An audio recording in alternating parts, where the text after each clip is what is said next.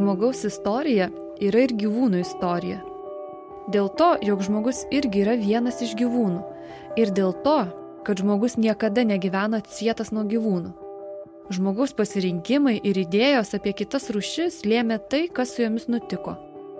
Kare, žemės ūkija, moksle, kolonializme, pramogose, sporte gyvūnai yra įtraukti visur. Šiandien atsisuksim į mediciną ir ieškosim, kokia gyvūno vieta tenai. Kalbėsime su mokslininku, veterinarė ir veterinarijos dėstytoju. Iš senos parašties į centrą pakviesime peles, šunis, jūrų keulytės ir lapes.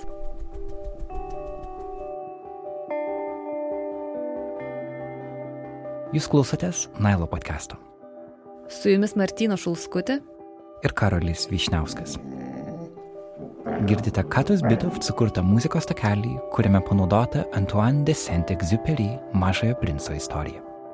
Muzikinis pasakojimas mus lydės per pokalbius ir padės apmastyti draugystę su tais, kurie šalia. Pagalvoti, koks yra mūsų ryšys su kitomis rūšimis. Kaip mūsų kuriama ir naudojama medicina tampa įrankiu veikti pasaulį ir už žmogiškos kasdienybės ribų.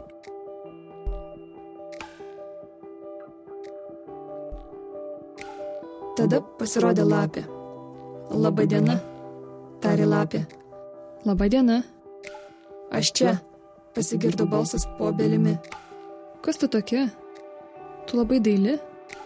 Aš esu lapė, tarė lapė. Eik šiandien pažaisime. Man labai liūdna.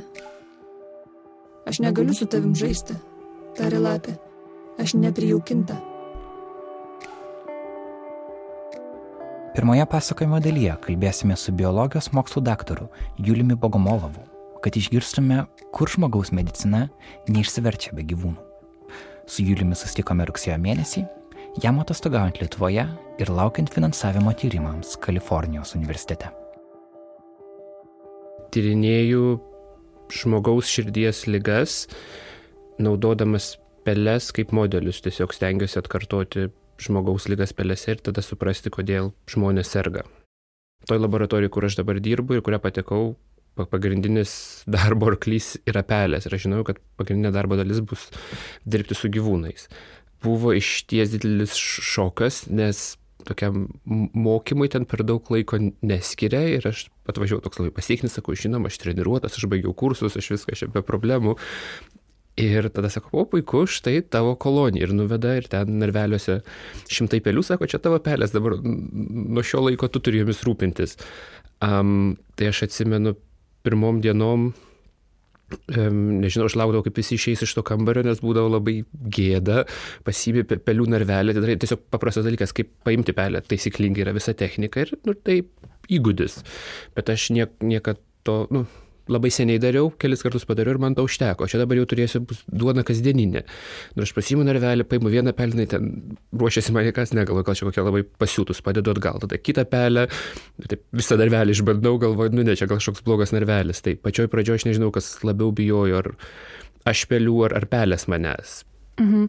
O ar tu nesijauti, kad kažkaip prisiriši prie tų pelių emociškai, prie tų gyvūnų, su kuriais leidi laiką? Žinau, kad kiti žmonės dirba su, su kitom gyvūnų rūšiam, žiūrkiam, um, nežmoginiais ne primatais ir aš tikriausiai įsivaizduoju, kad aš to, to sąmoningai sakysiu, ne, ačiū, aš to negalėčiau. Bet pelės, kad ir kaip, nu, galvotum, yra gana durni organizmai. Nes aš pats esu turėjęs daug visokių graužikų ir aš žinau, kad, kad su pelėm tokio kontakto net, net ir kaip naminiais gyvūnais man buvo, buvo sunku užmėgti. Žiūrkės visai kas kita, smiltpelės, um, ką aš ten turėjau dar de, degučiai ir panašiai, žinau, kad jau buvo visai kitaip. Tai realiai niekad jų neįsivaizdavau kaip kažkokių naminių gyvūnėlių ir dėl to tokio ryšio nėra. O, o, o dažniausiai tiesiog yra darbas, susiplanuoji ir ką darai su tais gyvūnais. Mhm. Tai visgi tu pats turi kažkokią viduje tą ribą, kad su vienais gyvūnais tau lengviau eksperimentuoti turbūt ar daryti kažkokius mokslinius tyrimus, su kitais turbūt būtų sunkiau. Taip. taip mm.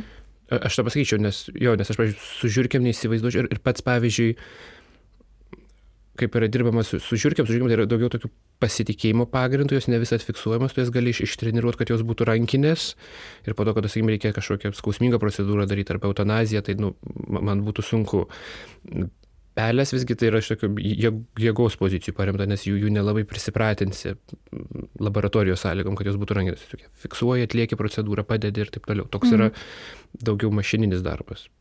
Gal gali dabar čia truputį plačiau išplėsti, kuo skiriasi tas rankinis gyvūnas ir treniruotas gyvūnas? Kodėl, e, kodėl svarbu, kad gyvūnai va šitoje vietoje yra skirtingi? Svarbu ar nesvarbu, ti- tiesiog, e, nu, su žiūrėkim pats paprastas dalykas, yra daug lengviau dirbti, nes tai yra gana stiprus gyvūnai ir dideli, ir, ir jeigu tu gali sukelti pasitikėjimą, tai tau tiesiog iš darbo ergonomikos bus, bus lengviau dylinti, su, su, su, su, su, su kada jos pasitikė tavimi ir tu ten, žodžiu, nereikės visą laiką būti labai įsitempus. Mm. Dėl Tai prijaukintos ir nebijo žmogaus. Jo. Mm.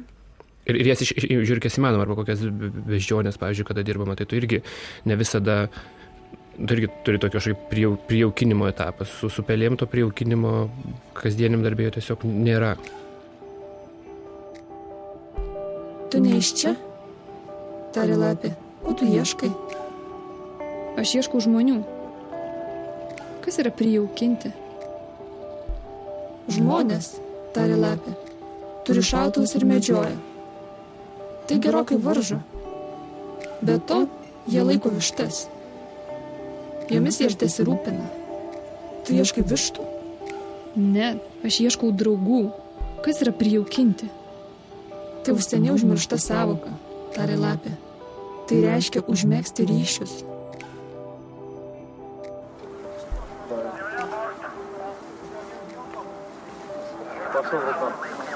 Tūkstantis 957-aisiais nuo Žemės pakilo Sputnik 2 erdvėlaivis, kurio pirmą kartą suktis aplink Žemę buvo paleistas gyvas sutvėrimas - mišrūnė kalytė Laika. Ji buvo ramaus būdo šuniukas. Tikrasis rusiškas vardas buvo Kudriavka. Kai Kudriavka įlipo į erdvėlaivį, buvo žinoma, kad į Žemę ji nebegrįž.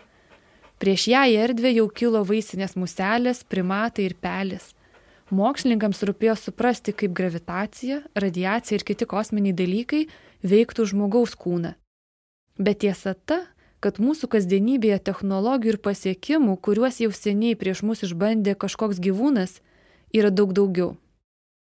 Gal- Galbūt yra keletas tokių pagrindinių sferų, kur gyvūnai naudojami. Tai visų pirma yra saugumo testavimas, nes mes gyvenam plastiko pasaulyje ir, ir kiekvieną, kiekvieną dieną yra pagaminama daug naujų medžiagų, kurios, tai gali būti ir drabužių dažai, kažkokie produktai kosmetikos, namų apyvokos daiktai, chemikalai, būtiniai chemikalai, sudėdamosios dalis. Ir, ir pirmą yra labai svarbu žinoti apie tuos naujesnes medžiagas, kaip jos reaguoja su žmogumi, ar jos toksiškos, kaip jos yra toksiškos, ką daryti, jeigu apsinuodi, kaip jos suyra, ar jos teratogeniškos ir panašiai ir panašiai. Tai tam yra naudojami gyvūnai, būtent su saugumo testavimui. Ir kitas dalykas tai yra būtent biomedicininiai tyrimai, kada bandoma gyvūnuose atkartoti žmogaus ligas, nes tu gali testuoti naujus gydimo būdus ir panašiai. Pelės genetiniuose tyrimuose pirmąsyk panaudotos 1902 metais, o nuo 70-ojo dešimtmečio jos yra plačiausiai medicinos tyrimuose naudojamas gyvūnas. Skaičiuojama, jog per metus pelių medicinos tyrimams panaudojama net iki 90 milijonų. Taip yra todėl, kad genetikai pelės genomą lygina su rozetės akmeniu. Išskaitę jį, galbūt išskaitysim ir savo. Pelių kolonijas veisimo entuziastai augino jau 17 amžiaus Japonijoje. Bandė išgrininti veislės specifiniais genetiniais bruožais, kaip kailio spalva ar neįprastas elgesys. 20-ame amžiuje tokia naminio augintinių veisimo mada pasiekė ir Europą su JAV. Massachusetts'e, Granby mieste gyvenusi Abby Lathrop, pradėjusi nuo pelių, patelės ir patinėlio, netrukus turėjo 10 tūkstančių pelių fermą. Ji grinino skirtingų savybių pelės. 1902 metais genetikas William Ernest Castle iš Harvardo universiteto suprato, jog dėl savo trumpos gyvenimo trukmės pelės yra puikia rušis tyrimams. Lathrop gavo pirmąjį gyvūnėlių užsakymą. Jos veistos pelės tapo pirmosios panaudotos genų tyrimams. Nors laboratorijos pelė yra geriausiai įsivaizduojamas tyrimų gyvūnas, ji toli gražu nėra vienintelė. Ką veikia tyrimuose tavo minėtos pelės, kada atsiranda žiūrkės, triušiai, vėžliai, beždžionės, nes turbūt yra skirtumas, kodėl pasirinkami vieni ar kiti gyvūnai. Pirma, gal reikia pradėti kalbėti is, is, istoriškai ir apie pinigus. Um, ko, kodėl pelės? Nes visų pirma, pelės yra žinduoliai, kaip, kaip ir mes žmonės, ir daugeliu aspektų jų kūno sandara, fiziologija turi panašumų su žmogaus fiziologija. Tada tu norėtum turėti tokį gyvūną, kuris neužimtų daug vietos, nes gyvūnų laikymas, reikia suprasti, ir eksperimentai su gyvūnais yra viena brangiausių mokslo dalių. Ir net jau eksperimentai su, su pelėm yra gana brangus. Pavyzdžiui, aš žinau, kad UCSD mano universitete vienas narvelis per metus kainuoja apie 400 dolerių jo, jo išlaikymas. Ir tai reiškia vis tiek, kad mokslininkas turi pats ateiti, nu, yra žmonės, kurie šeria ir valo pelės ir prižiūri jų sveikatą, bet visi, visos kitos procedūros, jų veisimas, tai yra jau mokslininko užduotis. Bet net, net ir už tai reikia mokėti 400 eurų. Ir, ir aš, pavyzdžiui, turiu kelius šimtus narvelių, tai galima įsivaizduoti, kiek, kiek tai kainuoja. Mm. Dėl to reikia... Tai į tą kainą įeina e, narvelio vieta. Narvelis, narvelio valymas, narvelio saugojimas. Narvelio saugojimas. Ir, ir dar reikia suprasti, kad ten, kur gyvūnai laikomi vivariumis, yra keliamos labai griežtos sąlygos ir dauguma gyvūnų, arba kaip mūsų yra vadinamas SPF sąlygom laikomos. SPF tai yra Specific Pathogen Free. Tai reiškia, kad yra didžiulis sąrašas visokių lygų sukėlėjų ir reguliariais laiko intervalais yra gyvūnai tikrinami ir nėra tų sukėlėjų. Ir tada išduodamas sertifikatas ir sakoma, kad va, mes ten nerandam kokių 400, nu ne 400, gal ten kelių 40 sukėlėjų. Tai hmm. garantuojamas būtent tam tikra kokybė tų gyvūnų sąlygų laikymo. Dėl to pelės labai apsimoka, nes į tą narvelį gali sutalpinti penkias pelės. Mm, nes jos mažesnės, mažesnės. narveliai mažesni. Mm. Kitas dalykas, kada yra atliekami genetiniai tyrimai ir, ir, ir vėlgi iš, iš, iš, iš finansinės priežasties, tai yra kaip greitai gyvūnai dauginasi. Pelių neštumas trunka 21 dieną ir jos jau lytiškai supręsta 6-8 savaičių ir jau gali pradėti naują ciklą. Dėl to irgi mokslininkam ir nereikia ilgai laukti iki kito ciklo. Mm. Dar viena labai didžiulė priežastis, kuri dabar va, pasikeitė, yra tai, kad um, labai dažnai yra lygų genetiniai modeliai, kad yra atliekami tam tikri genetiniai pakeitimai pelėje, kad atkart sukurtų lygos modelį arba tirtų kažkokį reiškinį, kuris vyksta žmoguse, žmoguje. Ir iki to laiko tai buvo galima atlikti tik efektyviai iš visų mažų gyvūnų, tik tai pelėse, pavyzdžiui, nes kūrimas tų nokautinių pelių, genetiškai pakeistų pelių reikalavo klonavimo žingsnio.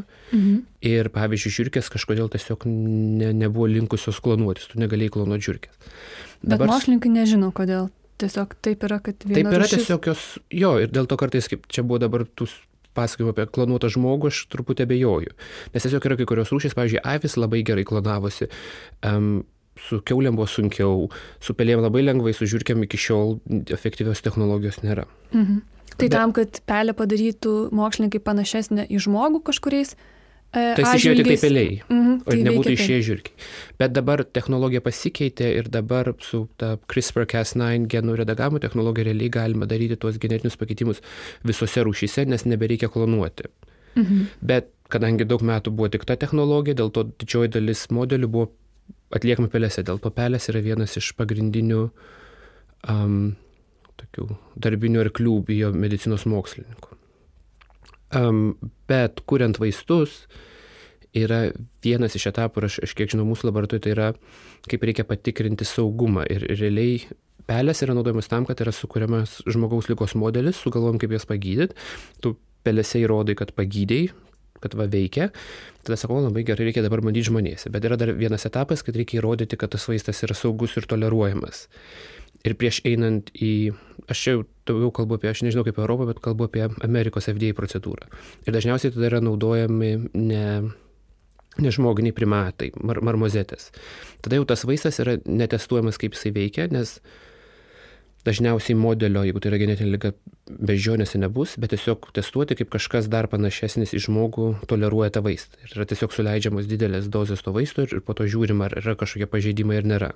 Tai yra tas etapas. Ir kada jau yra rodoma, kad bežionės nieko ten blogo nepadaro, tada jau einama į žmogų. Iš pradžių nedidelėm grupėm, o po to didesnėm. Tai va čia, kur ateina biomedicinos mokslas reikalingi primatai. Kita problema yra neuromokslai, nes pelės, kaip aš jau minėjau, jie yra gana paprasti žinduoliai ir ypač tyrinint kažkokias sudėtingesnės, nenoriu sakyti psichikos, bet elgset, būtent galbūt psichikos dalykus, pelėse to nepadarysi. Dėl to žmonės ateina ir artimiausią, protingesnį gyvūną, tai yra žiūrkę. Bet žiūrkių ir neštumas užtrunka ilgiau, jos pačios yra didesnės ir dėl to brangesnis gyvūnas išlaikyti. Ir kaip minėjau, iki neseniai nebuvo galima jų genetiškai modifikuoti efektyviai. Mhm. Tai čia būtų žiūrkės. O ir žinoma, yra didžiulis poreikis dabar tų ypač kardiomokslą, nes jeigu pagalvoji apie pelės širdį, pelės širdis plaka 600 kartų per minutę, kaip žmogaus vidutiniškai 60, tai tų skirtumų yra.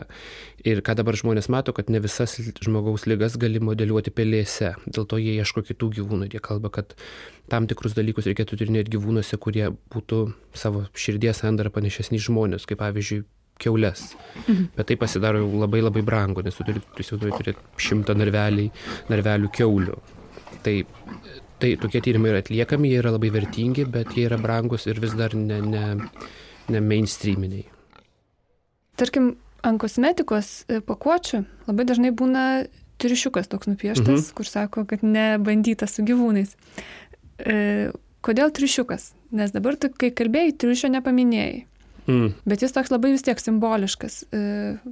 O, čia, čia reikia, tačiau reikia šokti dabar į truputį kitą sferą gyvūnų naudojimo, tai yra būtent um, saugumo testavimą. Ir um, tas triušiukas yra kaip simbolis tokio seno testo, um, nes triušiai uh, naudoto patikrinti medžiagų dirglumą, ar medžiaga dirgina gleivinę ar ne. Ir tai buvo žiaurus testas, kada buvo lašinama į triušių tų medžiagų tirpalai ir kadangi triušiai nelabai gali mirksėti, jie neiš, neišmirksi tos medžiagos. Ir jeigu ta medžiaga ėda, ragina, tai jinai ir, ir ėjas. Ir po kurio laiko yra žiūrima tam vargšui triušiui akis, žodžiu, pažiūrėti, ar ta medžiaga suėdė akį ar ne.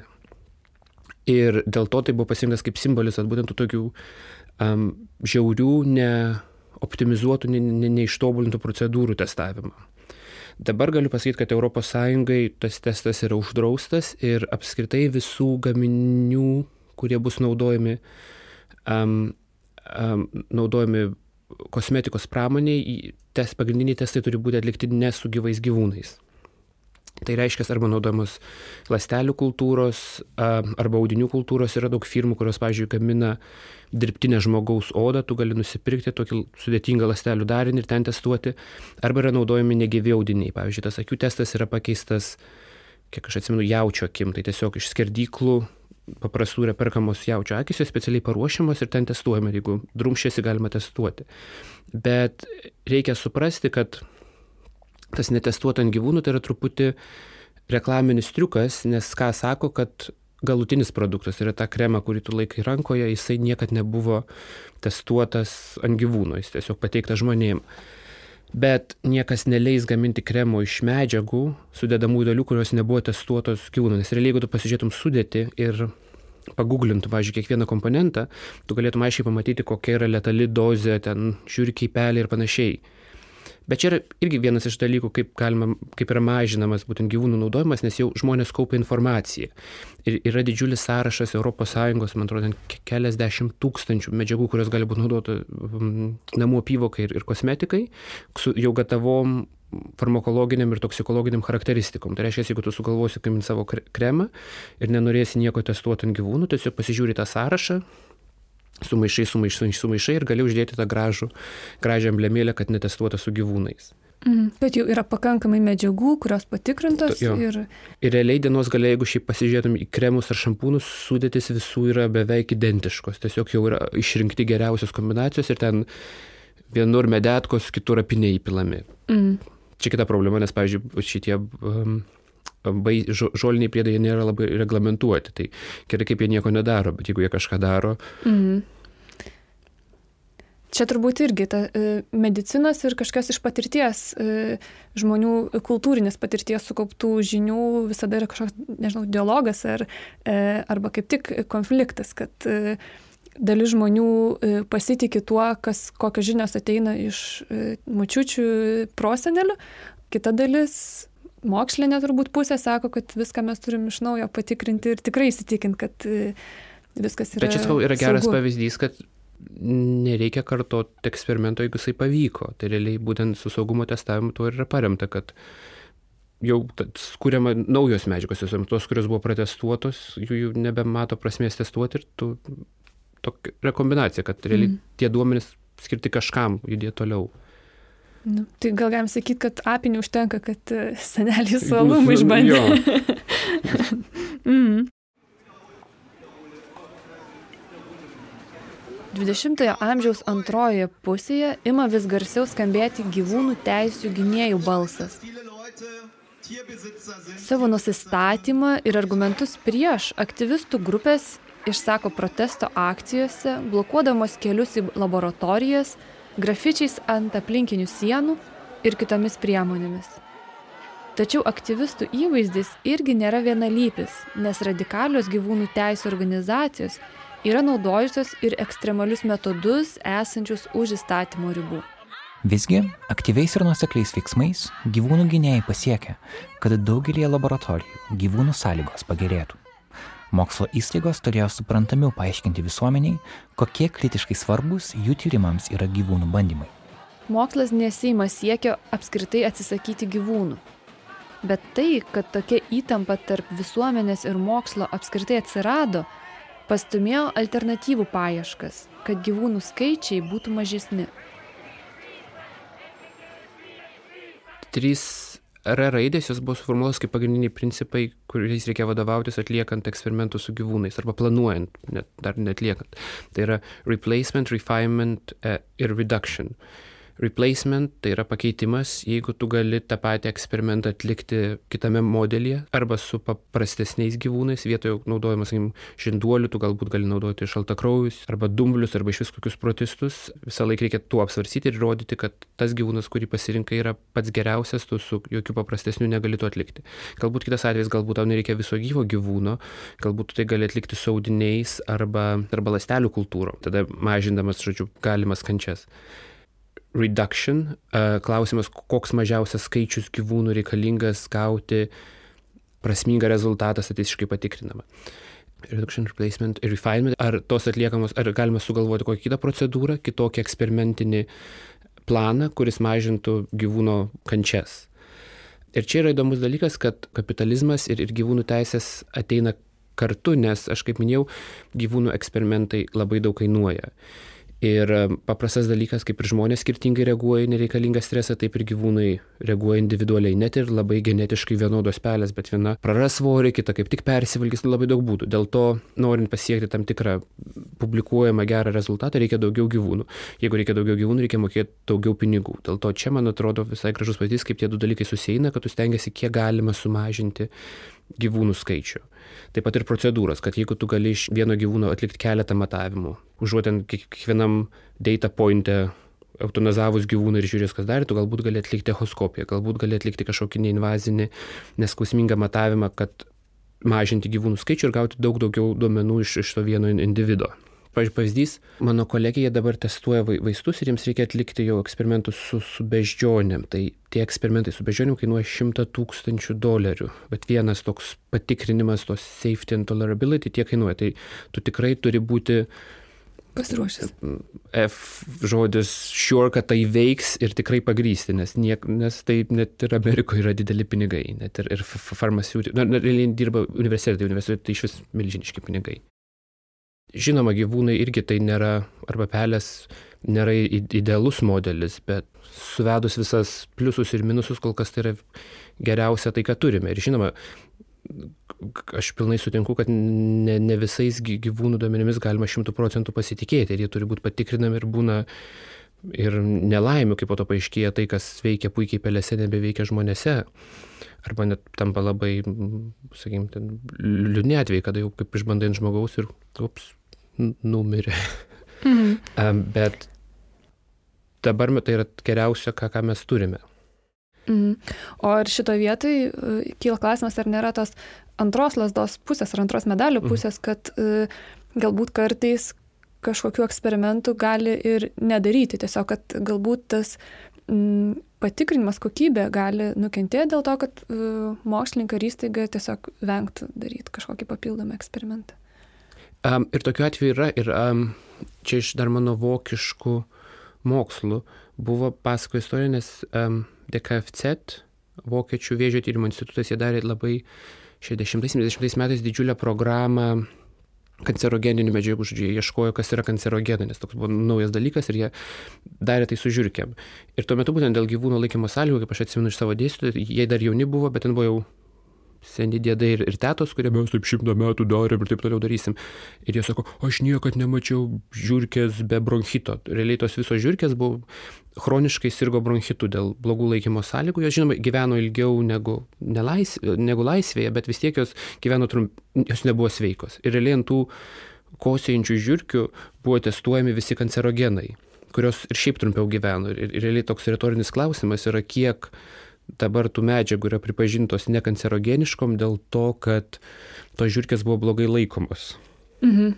Bet ir čia yra kita problema, kada jau yra moksle, bet šiaip ir visose gal gyvenimo srityse, kada yra pasiekiamas tam tikras status quo, užginčyti kažką yra daug sunkiau negu pasakyti savo. Mhm. Nes, nu, realiai mokslinė prasme niekam labai neįdomu, nes plus tu susi, susikursi daug priešų, Bet va čia toks pavyzdys būtent, kada blogai suplanuotas gyvūnų eksperimentas potencialiai tikrai galėjo kažką reikšti, nes galbūt žiūrkas gyveno ten tiek mėnesių, jeigu jis būtų pagyvenęs ilgiau, galbūt ten medžiagos testuojamos būtų sukėlę vėžį. Žinoma, jeigu planai suplanuotas eksperimentas, tu ir galėsi gauti sveikas pelės. Bet galima pamatyti, kaip, kaip, kaip yra svarbu juos gerai planuoti. Žinoma, yra kita mokykla arba kitas konceptas, kad iš visiškai radikaliai atsisakyti gyvūnų eksperimentavimo. Bet aš nemanau, kad, kad, kad tai įmanoma, nes yra tiek daug neišspręstų dalykų, kuriuos reikia spręsti. Kur aš matau galbūt tokį kombinacija, tai yra, yra daug institucijų, žinau, ir Vokietijoje yra teikiami specialiai, yra visas mokslas, gyvūn, laboratorinių gyvūnų mokslas ir tų žmonių darbo specifika tai yra būtent kaip galima įgyventi tą 3R konceptą. Jie ieško naujų metodų, jie juos dėgia, jie kalbasi su senais tetom ir dėdais ir sako, va, yra daug modernesnių metodų, kad ir kokie, sakykim, kraujo įmimo būdai, anksčiau buvo taikomas retroorbitalinis kraujo įmimo būdas, kad įmama iš, už, iš žuokies esančiose audiniuose. Nu, toks gana pjaurus. Ir jie sako, ne, gal yra visai daug kitų alternatyvų, kurie realiai pasiekia daug gyvūnų, laboratorinių gyvūnų geroviai. Bet tai yra kompromisinis atvejis. Jie sutinka taip, eksperimentus reikia daryti, bet taip yra daug vietų, kur mes dar galim tobulinti. Mhm, o kaip tu pats manai optimistiniu atveju, ar e, sulauksi va, tokio laiko, kai e, tau kai neteksi savo darbo su gyvūnais? Um, Aš nemanau, bet aš manau, kad tai tikrai keisis ir tobulės ir aš spėju, kad tai vis labiau panašės iš žmonių studijas, kada jau tie, eksperimentai bus taip gerai suplanuoti, kad jų daug nereikės, nereikės daug gyvūnų. Ir, ir aš žinau, pažiūrėjau, atvejį iš, iš Floridos universiteto, kur, sakykime, dabar testuojamas naujas eksperimentinis gydimas ant uh, šunų veterinariniais pagrindais. Jeigu tu turi genetinį lygą sergantį šunį ir turi labai daug pinigų arba šuo turi sveikatos draudimą, um, tu gali kaip ir žmonės įtraukti savo šunį į eksperimentinę gydimo pro programą. Ir jie ten, žodžiu, yra virusinė šito, genų terapija gydomi. Tai tokie irgi kaip, čia jau, iš esmės tai yra eksperimentai su gyvūnais, bet jie yra parengti taip, kad tai kaip yra clinical trial, kaip ir su žmonėm atliekama, tik žinoma, jie atlieka tai su gyvūnais, bet idėja ta, kad kažkada jie galės tai taikyti ir žmonėm.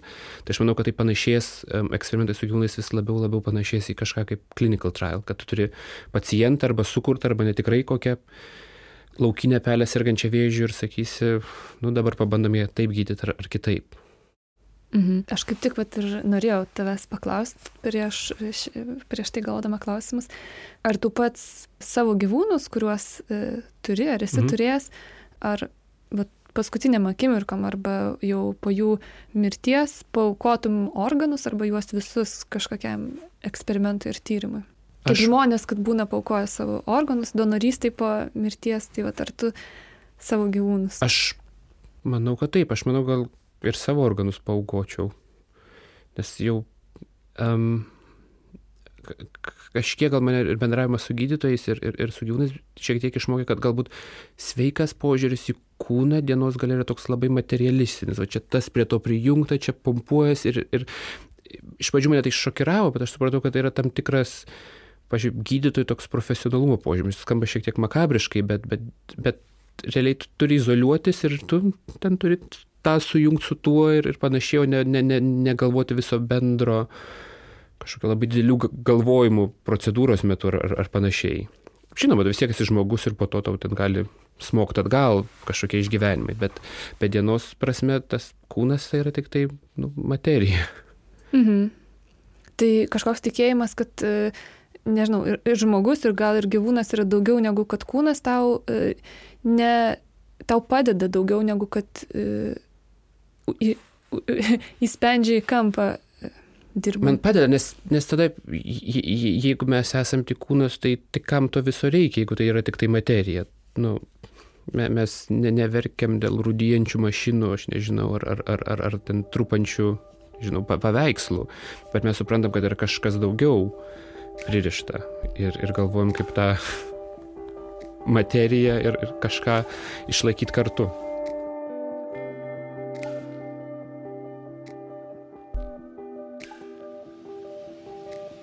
Užmėgsti ryšius? Žinoma, tarė lapė.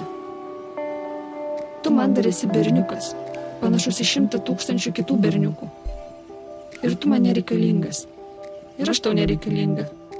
Aš tau esu lapė, panašiai šimtą tūkstančių lapių. Bet jei tu mane prisijaukinsi, mūdu būsime vienas kitam reikalingi. Tu man tada būsi vienintelis pasaulyje. Aš tau būsiu vienintelė pasaulyje. O taip įsivaizduoju, kad pirmas gyvūnas, kurį tu panaudojai eksperimentui, turbūt buvo kažkoks e, specialus atvejis, bet kaip tu jautiesi kiekvieną tą kartą, kai tau tenka arba sukelt skausmą, arba užbaigti gyvybę gyvūną. Mm. Mano šiaip pirmie eksperimentai su gyvūnais tai iš vis dar buvo namie, bet aš gydžiau, ten nebuvo jokių mi- mirtinų atvejų, aš auginau smiltpelės ir aš žinau, kad tos smiltpelės serga epilepsija. Ir jeigu jas perkeli kitą narvelį arba išvalai, joms ištinka toks nu, epilepsijos priepolis. Ir aš tada kaip mokslininkas sakau, reikia gydyti. Ir, ir, ir radau, kad galima gydyti, žmonės gydo epilepsiją amalo arbata. Nu ir aš nupirkau amalo arbatos, išviriau vieną grupę pelių, girdžiau paprastą ar vandeniu, kitą amalo ar- arbata, po to, ir po to testuodavau, aš jas simdavau, dėdavau kitą narvelį ir žiūrėdavau, kiek jos patiria epilepsijos priepolį. Ir man tada jos visos pagyjo, nežinau gal nu- nuo ko, bet aš toks buvo noras pagydyti tas pelės. Aš dabar ten po to neutozonavau nieko, bet toks pirmas eksperimentas. Bet jo, pi- pirmi, pi, pirmos procedūros tai jos tikrai nu, nemalonios, net, net ir kaip, kaip dar jau ir kažkas kitas pateikė, pažiūrėjau, skrosti, reikia gyvūną išiminėti audinius, tai man tai buvo uh, bjauru, bet, bet dienos gale tai būtent yra toks profesinis požiūris į darbą. Aha, man dabar reikia tą padaryti. Ir žinoma, ten labai uoliai, tu, tu nepuoliai, jeigu žinai, kad tau reikia ten pabaigti eksperimentą, išrinkti gyvūnus dalimis, tai taip, mm, nu ką, bet tada apsivilki halatą, viską pasiruoši ir darai pagal, pagal pro- procedūras, nežinai, kad tai yra darbo dalis. Ir, nu, čia bjaurus dalykas, bet yra studentų, kur, pažiūrėjau, ten tiesiog reikia kažkokius um, ten senesnius gyvūnus arba pe pervežti eutanazuotai, tai tas čia studentų darbas būna, sakau, šituos man duodu nurodymus. Um, tai jo, pri, pripranti nieko, bet tiesiog tu žinai, kad tai yra procedūra ir kartais reikia dirbti ti- tik greitai, nes tas už, užtrunka ir tiesiog padarai, o po to jau nu, tiesiog atlieki savo darbą. Taip pat pabandžiau paguglinti, yra kažkokių e, monumentų laboratorijų gyvūnam ir daug, kad Rusijos mieste vienam yra 2013 metais pastatyta skulptūra e, laboratorijos peliai. Mhm. Jis mesga kaip mesginį e, DNR dalį Mhm. tokią. E, daugiau panašių kažkokių tai įprasminimų neradau, kad egzistuoja, gal egzistuoja. Mm, Kaip tu pats iš savo patirties galėtum pasakyti, kaip mokslininkai tyliai ar garsiai pagerbė tuos gyvyb, e, gyvūnus, gyvybės gyvūnų paukotas mokslui. Mm. Aš dabar galvoju, ar kas nors vyksta. Aš žinau, kad yra į į CSD ceremonijos kelios ir, ir jos būna bendrosios. Um, tai ten trys būna viena ceremonija žmonėm, kurie paukojo kūnus savo. Um, tyrimo metu būna su- susirinkimas ir, ir po to būna kelios būtent ceremonijos skirtas, žodžiu, gy- gyvūnam toks paminėjimas, žodžiu, e, vi- visų, žodžiu, panaudotų gyvūnų. Tai jinai tokia būna oficiali ceremonija, bet me- mes, aš nedalyvavau dar. um, O ar e, mokslininkai turi savo asmeninės kažkokias praktikas? Kaip žinai, futbolininkai būna persižegnoja prieš bėgdami į aikštelę. ne, aš, aš mm, man gal net būtų šiek tiek raupu, jeigu žmonės turėtų kažkokias praktikas, nes, nes sveikiausias dalykas realiai būtent tuo pat metu gal gali jaustis po to blogai ir panašiai. Yra, pavyzdžiui, studentų, kurie sako, aš negaliu dirbti su gyvūnais, arba yra, aš negaliu dirbti ten su embrionais, pavyzdžiui. Tai, tai tas ribas labai gerai prisakė, aha, nu gerai, tu negali, tai daug aš padarysiu. Bet man atrodo daug kraupiau, jeigu kažkas darytų tam tikrus ritualus. Aš, aš, aš tada kažkaip sakyčiau, gal, gal nereikia. Nes tai, tai ir tu po to gali, bet po proceso metu Na, aš dalies va tai, kad tu sakai, kad tas uh, įėjimas į procesą, jisai jau kažkuria prasme uždeda tokį gal uh, saugų rėmą. Kažkoks procesinis rėmas žmogų tarsi atpalaiduoja nuo, jų, nuo jo kažkurioje gal kitoje erdvėje esančių vertybių, jeigu taip. Ir vertybė, bet kitas dalykas, tai tie visi rėmai ir, ir, ir, ir protokolai ir, ir procedūros yra sukurtos tam, kad būtų minimizuojamas gyvūno kentėjimas ir, ir sumažinimas. Ir, ir jeigu tu dabar pradėsi improvizuoti, tai, tai nemanau, kad prisidėsi prie, prie, prie kažkokio gyvūno. Arba tu, arba tu darai taip, kaip parašyta, arba tu nedarai iš vis. Tai čia taip yra parengta, o ten kažkokio trečio kelio, kelio ir per daug nėra, nes, nes tada dažniausiai kas kenties, tai, tai gyvūnas. Papildomai, daugiau beprasmiškai. Uh, bet jo, čia kaip, kaip nu, da, darbo prasme, jo. Mm. Tai e, yra ir tas reikalingas pasitikėjimas procesu ir turbūt tikslu, kuriam esi ir e, kam dirbi. Ir tikslu, ir, ir išmanimas, tu irgi ne, negali bet kurios procedūros taip iš, iš dangaus sakyti nori daryti, nes tu turi būti apmokytas ir, ir, ir būti nu, nagingas, nes tai yra dažniausiai tokios smulkios manipulacijos. Mm. Bet jo, iš esmės tu turi atsakyti, nes aš nemanau, būtų labai keista, jeigu kažkam malonu tuos dalykus daryti. Tai tu turi iš pradžių savo atsakyti, aha, aš būsiu mokslininkas, aš žinau, kad aš dirbsiu su gyvūnais, ar aš galiu dirbti su gyvūnais, kodėl aš noriu dirbti su gyvūnais. Ir jeigu tu tuos klausimus atsakai, randi jėgų ir sakyti gerai, let's do this, tai tada darai. Bet jo, mm. tu iš esmės prieš tai turi atsakyti, ko, kodėl tu tai darai. Tai taip pat ir, ir kaip ir su studentais kalbam, kodėl jo tą nori daryti ir, ir panašiai, žodžiu. Turi būti kažkokia aiški ir sveika motivacija. Dažniausiai, kai gyvūnas patiria kančias, mokslininkai mato, kad jis nebegali daugiau gyventi, yra nutraukiama jo gyvybė mhm. ir tai vadiname eutanazija. Kita vertus, turbūt kaip skirtingų šalių praktikose, eutanazija, na tarkim, dabar paskaičiau, kad UK eutanazija leidžiama tuomet, kai yra išreiškiama valia žmogaus. Mhm kuris, e, kuriam bus pritaikoma eutanazija. Tai gyvūnas negali e, išreikšti turbūt valios mhm. jokios. Tai jo gyvybė yra e, iš tikrųjų visiškai žmogaus valių, ar ne? Mhm. Ar kartais mokslininkai, ne, kalbėdami apie tai, ką daro, nes, nesušvelnina kalbos?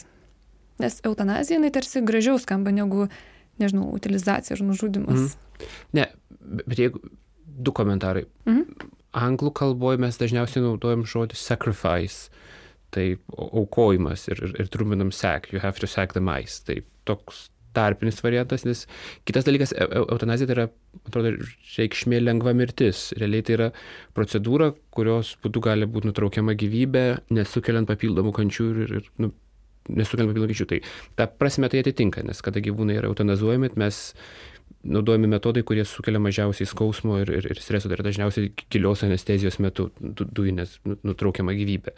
O ar priverstinė ar laisva valia čia yra antras dalykas. Man atrodo, eutanazija čia yra naudojama būtent pabrėžti žodį, kad tai nu, nesukelt papildomų kančių. Ir, ir mūsų kalbėjime mes dažniausiai sakom sac, sacrifice, kaip paukojimas mokslo vardan, kas iš esmės ir yra. Ką mes darom. Arba liepiu, liepiu studentam daryti. Gerai, ačiū tau, Juliu, labai. Ačiū Martinu už pokalbį.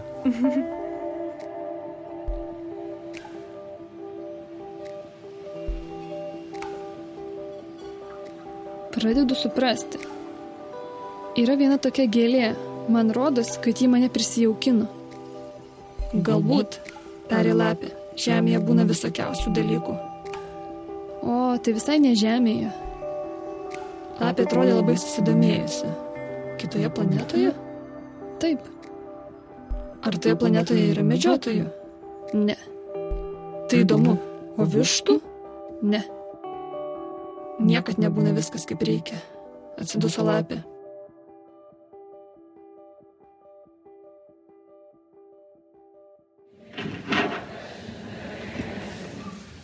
I solemnly swear to use my scientific knowledge and skills.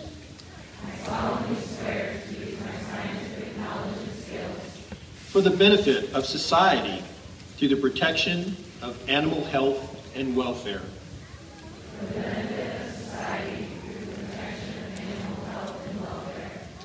The prevention and relief of animal suffering, the conservation of animal resources, the promotion of public health, and the advancement of medical knowledge. I will practice my profession conscientiously and with dignity, and in keeping with the principles of veterinary medical ethics. Congratulations, you may be seated.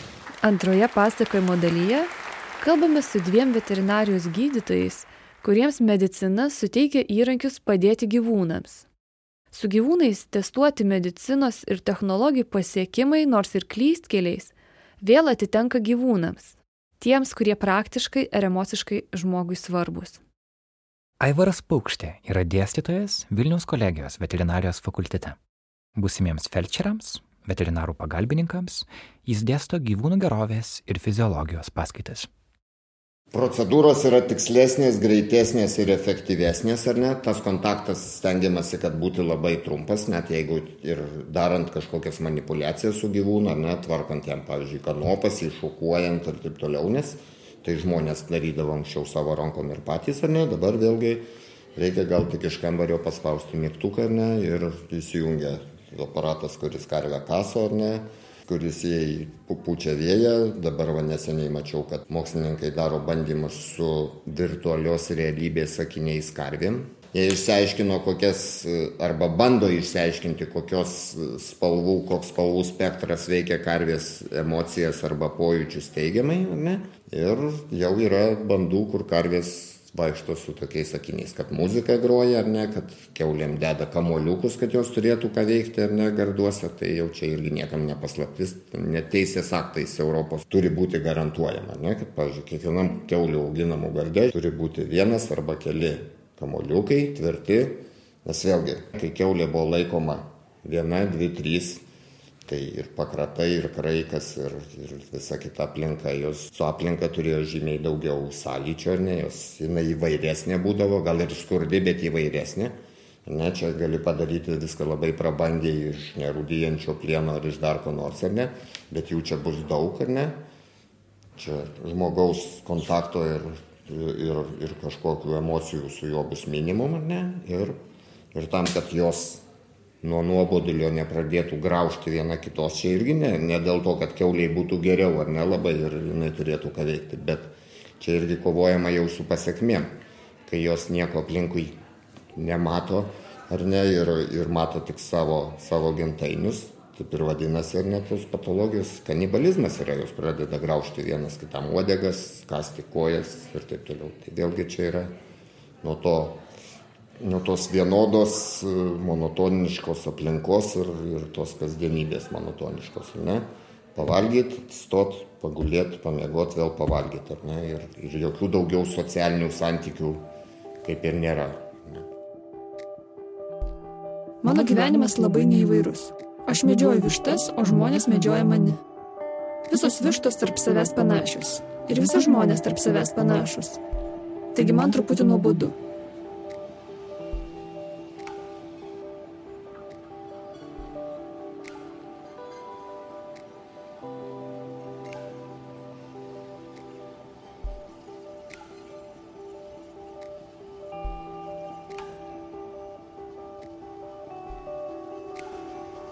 Sovietų laikais gyvūnus laikė savo kiemuose visi ar ne ir kasdien su jais turėdavo kontaktus. Tai dabar gyvūnai yra laikomi ne po kelis šimtus, po keliasdešimt vienetų ir jie yra tik produkcijos vienetai, ne, jie nėra tokio betarpiško kontakto. Bet jei tu mane prisijaukinsi, mano gyvenimas nušvis lik saulė. Ūkiniai gyvūnai jau visi yra, ne, skaičiuojama ir žiūrima, jo ateitis sprendžiama kalkuliatoriaus pagalba ar ne, o ne kažkokiu humanišku ar dar kažkokiu kitų dalykų, nors jį galima galbūt pagydyti, tas kainuos brangiai ir, ir, ir to net niekas nedaro. O naminiai augintiniai, tai naminių augintinių požiūris iš vis į naminius augintinius tai pasikeitė per Lietuvos nepriklausomybės laikotarpį labai radikaliai. Ne, nes e, sovietų laikais ir nepriklausomybės pradžioj, kas tokia gyvūnų gerovė, tai niekas nežinojo. Ne, nebuvo net veterinarijos gydytojai ruošiami gydyti šunis ir kates arba taip vadinamos companion animals. Ne. Buvo viskas daroma tik, pro, tik produkcijos gyvūnams, ar ne? E, tvarkyti, gydyti ir taip toliau, o, o per, per šituos kelis dešimtmečius, ar ne? Tai mes labai, labai suvakarėjom. Aš dešimtmetį prieš tai dirbau visuomenėje organizacijoje, kuri vadinosi Lietuvos gyvūnų globos draugija. Ne, ir mes tą veiklą pradėjom, tai ne, man net pačiam buvo staigmena, kaip greitai visuomenė keičiasi, nors visuomenė iš vis yra labai inertiška ir, ir sunkiai priima tos pakeitimus. Na ir atsirado daug gyvūnų gerovės organizacijų, tai reiškia, kad visuomenė neabejinga, atsirado, atsirado teisės aktų, kurie gina gyvūnų gerovę ar ne, arba pasisako už ją. Lietuva priemė visus tarptautinės konvencijas ir įsipareigojimus, ar ne, kad tai užtikrintų. Ir ta pažanga, bent mano akimis, yra labai, labai didelė per šitos 30 mečius. Aš pažinsiu tokį žingsnių garsą, kuris skirsis nuo visų kitų. Kiti žingsniai mane verčia lysti į žemę. Tavo žingsniai mane išvadins lauk iš urvo kaip muzika. Tai jeigu katė yra viškio laukinė, jos kačiukai irgi dažnai būna viškio laukiniai. Diana Suchotska yra veterinarijos gydytoja ir veterinarijos klinikos Vilniuje savininkė. Aišku, gal galim tada įtarti, kad tai neveda prie žmogaus tų kačiukų, jie nepripranta, Bet tengi būna tokios, kurios ateina pavalgyti, žmonės maitina gatvę, ateina pavalgyti, bet ir viškai laukinė neprisileidžia. Kačiukai lygiai taip pat, gal jie išmoksta, klausim, bet negi tokius kačiukus sugavus ir bandė socializuoti, jie sunkiau pasiduoda, negu, tarkim, jeigu matai, kad buvus naminė katė, jinai pasigimdė ir jie tokius kačius pasigauni, tai jie kažkaip greičiau socializuojasi. Bet tą tokį ir mes įtariam, kad galbūt yra tam tikra kačiulinė, kad iš kartos į kartą buvo, ten kažkaip bet nėra patvirtinta. Tai tikrai negaliu pasakyti, tiesiog iš patirties, kiek mes kartais pamastom, kad yra skirtumas. Nes tada irgi gali būti arba kad jinai išmoko bijoti, arba kad tiesiog tokia veislė, kuri... Žinau, būna, kuri išmoksta, kas be ko, jeigu ten ne kažkas spardymų, šitai jinai bijos, irgi tas faktas yra. Bet sakau, su tais mažais kačiukas kartais pasižiūri, kaip jie socializuojas, kokia mama, tokie ir vaikai būna. Ir tuomet pagalvoja, kad galbūt yra ir kad persiduoda genetiškai tą baimę. Bet negaliu tiksliai pasakyti, kad tikrai yra mm, įrodymų tam. O su tokiais baigščiais laukiniais e, gyvūnais, kad jie mhm. E, sunkiau turbūt dirbti yra. Žinoma, taip, taip. Irgi, tarkim, jeigu tai yra naminė katė, tai vienos katės iš baimės sustingsta, tu gali daryti viską, jos tiesiog tupi. Tai mums yra pats geriausias variantas, iš tikrųjų mes tai galim dirbti su ją, o kitos iš streso tiesiog puola jos tada ginasi, puola, kandžiasi, draskosi ir būna kartais labai sudėtinga dirbti, nes reikia paimti kraują ir tuomet reikia kažkaip ją taip gražiai fiksuoti, kad galima būtų paimti ir būna sunkiau. Bet vis tiek kažkaip dirbame. O be to žiūrėk, matai ten, javų laukas. Duolas aš nevalgau. Iš javų man jokios naudos. Javų laukai man nieko neprimena.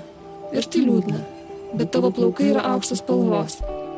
Taigi kaip bus puiku, kai tu mane prisijaukinsi. Auksas spalvos javai man primins tave ir man bus malonu klausytis vėjo šiurenimo javuose. Aš labai daug iš tikrųjų kalbu, kai kurias kitas gali galbūt tas nervinti, bet kartais kai kurias kas labai pasig... E, tikrai atsiliepia į balsą ir intonaciją. Ir čia jau yra, nes moksliškai irgi skaičiau, kad į moters balsą labiau reaguoja, nes yra švelnesnis balsas ir katės tikrai reaguoja, galima užkalbinti. Jeigu kalbini, kalbi, kalbi, jos e, apsiramina. Ir tuomet, jeigu tu gali prisiliesti prie tos katės paglostymą irgi už ausies, glostai, glostai, glostai ir svarbiausia neimti grubiai, lietai, švelniai. Švelnumas ir lietumas tas tikrai katės veikia ir galim kartais iš pirmo žingsnio atrodo, kad jie bus labai laukinė, na ne kad laukinė, bet bijo ir bus sunku. Bet jeigu švelniai darant, gali daug ką padaryti, net nepastebi. Ten gali užkasyti ir kažkaip kažką padaryti, ko net nepastebi. Lapė nutilo ir ilgai žiūrėjęs į merį. Prašau, prisijaukink mane. Labai norėčiau, bet kad neturiu daug laiko, reikia susirasti draugų ir susipažinti su daug visokių dalykų. Susipažinti gali tik su tais dalykais, kuriuos prisijaukini, tarė lapė. Žmonės neturi laiko ko nors pažinti. Jie nusiperka viską jau gatavą iš priekybininkų. Bet kadangi nėra priekybininkų, iš kurių būtų galima nusipirkti draugų, tai draugų žmonės ir neturi. Iš tikrųjų, tie visi stereotipai, kur turėjau, kad katė yra nepriraiši, ne tik tai dėl maisto, tu esi katės bergas visiškas. Man tas nepatiko, man labiau patiko šuns charakteris, kad draugas turi būti, bet man griuvo. Aš dabar tikiu, kad katė tikrai ne tik dėl maisto tave myli, jinai pasilgsta, kad tave pasitinka, jinai nori būti šalia tavęs, jeigu tavęs dvi dienas nėra, grįžti namo, tai vad katė, jinai barasi, jinai meuksi, kur tu buvai, nors ta maisto yra krūvo pilna, gal gali ateit kitas žmogus įberti maistą. Jis yra pabalgęs, bet jinai yra įsilgusi ir jinai barasi. Kur tu buvai, ir ten kažką pasakotų ir tu supranti, kad jis yra sujaudinusi ir gali tada pusę dienos tes nepaleisti tiesiog, eina iš paskos. Tai viskas įrodymas, kad tu jai reikalinga. Jei nori turėti draugą, prisijaukink mane. O kaip tai padaryti? Reikia būti kantriam, tarė lapė. Iš pradžių atsisės ant žolės, va šitaip. Truputį toliau nuo manęs. Aš į tave žiūrėsiu akies krašteliu. Ir tu nieko nesakysi. Kalba nesusipratimų šaltinis. Bet tu galėsi kasdien atsisėsti vis arčiau. Atsakomybė už gyvybę, šeimininkų lūkesčiai, sunkiai išvengiamos klaidos Tai daro veterinarijos gydytojų kasdienybę sudėtingą. Veterinaro profesijos paradoksas yra tas, kad žmonės į šią profesiją ateina norėdami padėti gyvūnams. Bet gydimo kasdienybėje jie gyvūnams suteikia ir daug skausmo. Kartais reikia nuspręsti ir tai, ar gyvūną jau užmigdyti. Kitam keliamas skausmas, net jei tai ir kita rušis, sukrečia emociškai Pridėjus tą faktą, kad stiprus medikamentai yra visai šalia, veterinarijos gydytojai yra padidintoje savižudybių rizikos grupėje. Tai patvirtina statistika iš JAV. Vyrai veterinarai nusižudo dvigubai dažniau lyginant su viso šalies statistika. Moterys net 3,5 karto dažniau. Gydytojas visą laiką jaučia atsakomybę. E, ir tikrai ateina skirtingų atvejų, arba netgi būna kartais atrodo, kad pažįstamas atvejis, bet klausosi ne tai, kaip tu norėtum.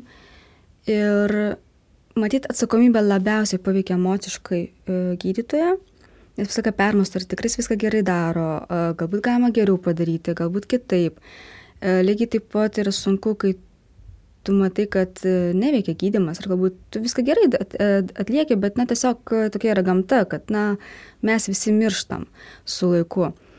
Ir kai nepavyksta išgydyti, numiršta gyvūnas. Irgi kai kurie gydytojai labai tai jautriai reaguoja, jiems yra sunku su to susitaikyti. Žinoma, su laiku, na, reikia su jum dirbti ir tam tikrai gydytojai išmoksta atsiriboti, supras, kad tai yra darbas, tai yra toks, tokia yra specifika darbo, kad bus mirčių, bus nepavykusių gydimo, bus dar kažkas. Matai kančią, kraują ir pūlius, ar ne? Tai vėlgi, tai kiekvieno veterinarijos gydytojo pareiga ar ne, ir darbas, ir veterinarinės paslaugos ir esmė yra, ne, pagalba gyvūnui. Tai reiškia lygos diagnozė kažkokio arba sutrikimo ir jo šalinimas arba gydimas. Bet, aišku, tie dalykai yra susiję vėlgi su kančia, su operacijom skausmingom, su intervencijom. Tai studentai irgi yra tam ruošiami, jie tai suvokia, kad jie čia atėjo tai daryti, ne kažką pjauti ir, ir, ir kentėti, kad jam būtų lengviau gyvūnui ir jis po to pasveiktų ir išgytų. Visi mes neamžinė, ne, ir vis tiek nuo kažko gyvūnas bus užmigdytas kažkada pas kažkurį tai gydytoją, ne po N metų, kai jis bus senas, sirgs nepagydoma lyga ir taip toliau. Iš kitos pusės irgi būna spaudimas iš savininkų, nes tai yra jų gyvūnas, yra jų mylimas gyvūnas ir kartais tikrai jūs atlieka viską teisingai, ką galima, bet savininkui atrodo, kad yra per mažai ir atsiranda spaudimas arba kaltinimas. Dabar pasiniu metu iš tikrųjų um, atkreipiu dėmesį, kad ta socialinė erdvė, kad mes visi galim pasireikšti Facebook'e ar parašyti straipsnį kažkur, atsirado tokia laisvė, kad žmonės, jeigu kažkas atsitinka, jie labai greitai rašo straipsnius neigiamus. Ir per paskutinius porą metų jų labai padaugėjo ten. Ir tai irgi yra tokia kaip ir įtampa. Yra įtampa, kad jeigu kažkas klientų nepatiks, pagalvos, kad tu kažką padarai blogai, atsiras straipsnis. Ir kas netgi atsiranda toks šantažas, kur maždaug, jeigu tu ten taip to nedarysi, arba dabar aš manau, kad tu esi kaltas dėl gyvūno mirties, tai jeigu tu man negrįžsi pinigus, aš tu tiesiog su žiniasklaida sunaikinsiu. Mes asmeniškai su tuo nesusidūrėm, bet mes visi daug viens kitą pažįstam, šnekam. Ir tai yra baisu, nes tai yra toks kaip ir šantažas, tai yra priemonė įrankis ir tas irgi sukelia labai daug streso. Nes e, kai pradeda figuruoti tavo vardas, kad va toks gydytojas taip taip padarė, tai žmonės net neįsigilina kiti ir iš karto pasipildo daug e, neigiamų komentarų, kad atimti licenciją ir taip toliau. Tas psichologiškai labai žlugdo gydytoją. Ir e, manau, kad na tikrai gali būti liūdnų pasiekmių. Tas irgi yra sunku. Neklysti tik tas, kuris nedirba. Jų būna, jų pas visus gydytus būna nekalbu galbūt apie tokias ryškės klaidas, kur viškai darė nesąmonės, bet mm, nu, mūsų pacientai irgi jie nekalba. Galbūt pas mus irgi yra ribotas prieimumas prie tyrimų tam tikrų. Ir tu iš tokio siauro tyrimų rato, tu turi suprasti, kas ten yra. Ir tau, kad aš pradžiu atrodyti vienas dalykas ir tu paskui pasiekė, kad galbūt kažką pražiūrėjai, tas gali būti ir tas tikrai, aš meluočiau, sakyčiau, kad ne, nebuvo, nebus, nes tas yra neįmanoma. Tiesiog tai būtų melas. Ir tikrai tai yra sunku, aš dabar net tiesiog dabar galvoju kokį nors konkretų atvejį. Galbūt dabar negalėčiau pasakyti konkretus atveju, kad, tarkim, būtų labai blogai, kad e, buvo ant tiek suklysta, kad gyvūnas numirė. Kartais tik tai lieka toks klaustukas, kur mes netenkam gyvūno ir tu pradedi sukti galvoja, kad o galbūt tu kažką pražiūrėjai. O galbūt bet atsakymų kaip ir nerandi, bet tas lieka klaustukas galbūt. Ir tu ten skaitaisi dar, ten straipsnius, sukiausius, peržiūrėjai tyrimus ir tokia savigrauža. Bet irgi tai nebūtinai reiškia, kad tu tikrai kažką pražiūrėjai. Bet vis laik nors pasitikrinti, ar tikrai viską padariau.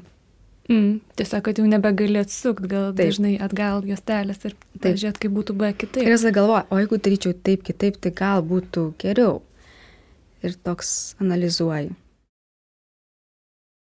Jeigu jau tu esi veterinarijos specialistas ar ne, tai niekada neleis, kad e, tavo draugo, tavo artimo, tavo pažįstamo katinas arba šuo ar ne nuo kančios numirtų pats kampe kur nors per kelias savaitės. Ne?